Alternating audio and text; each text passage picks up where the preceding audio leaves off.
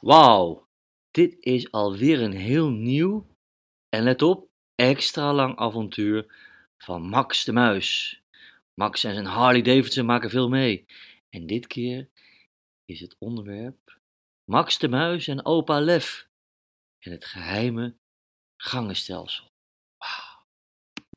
Dit keer begint het verhaal dat onze Max gewoon lekker een wandelingetje in de buurt aan het maken is. Dus helemaal niet ver weg in Griekenland of in een of ander ver weg land. Nee, gewoon thuis. Max was lekker aan het genieten van het mooie zonnetje. En ja, als superheld blijf je natuurlijk altijd opletten. En hij zag een verdachte persoon, nee, het was een groepje zelfs, een aantal verdachte personen de hoek omgaan.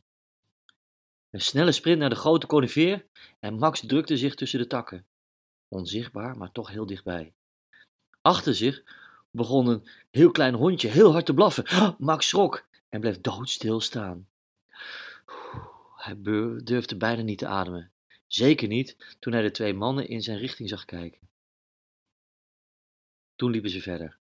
Max wachtte weer net zo lang tot ze de volgende straat ingingen. Snel sprintte Max naar het elektriciteitshuisje dat precies aan het begin van de straat stond. Zo kon hij nog net zien dat de twee mannen het middelste huis binnengingen. Alsof er niets aan de hand was, liep Max door de straat. Met een schuin oog keek hij naar de verwaarloosde tuin van het verdachte huis. Hm, wat een rommeltje. Hij hield zijn tempo ietsje in en wierp een heel snelle blik op de woonkamer.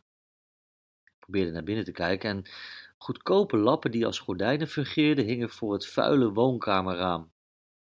Opvallend was dat het kleine raampje boven, waarschijnlijk dat van de douche, met zwart plastic dichtgeplakt zat. Hmm.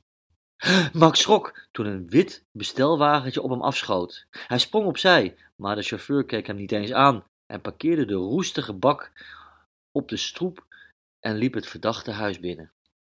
Max keek niet om, maar liep door en rommelde wat aan zijn headphones en pakte zijn telefoon alsof hij een berichtje las. Chill, blijf chill Max, zo sprak hij tegen zichzelf.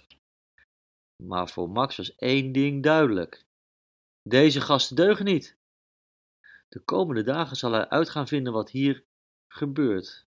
Maar eerst naar huis, etenstijd. Hij zou het met zijn vrienden er wel over hebben. En hij heeft ook broers. Ja, Max de Muis heeft als superheld zelfs broers. En misschien wisten die wel wie op dit adres woonde. Ja, beste luisteraars, en dat gaan we horen in het volgende deel van Max de Muis en het geheime gangenstelsel. Tot de volgende keer.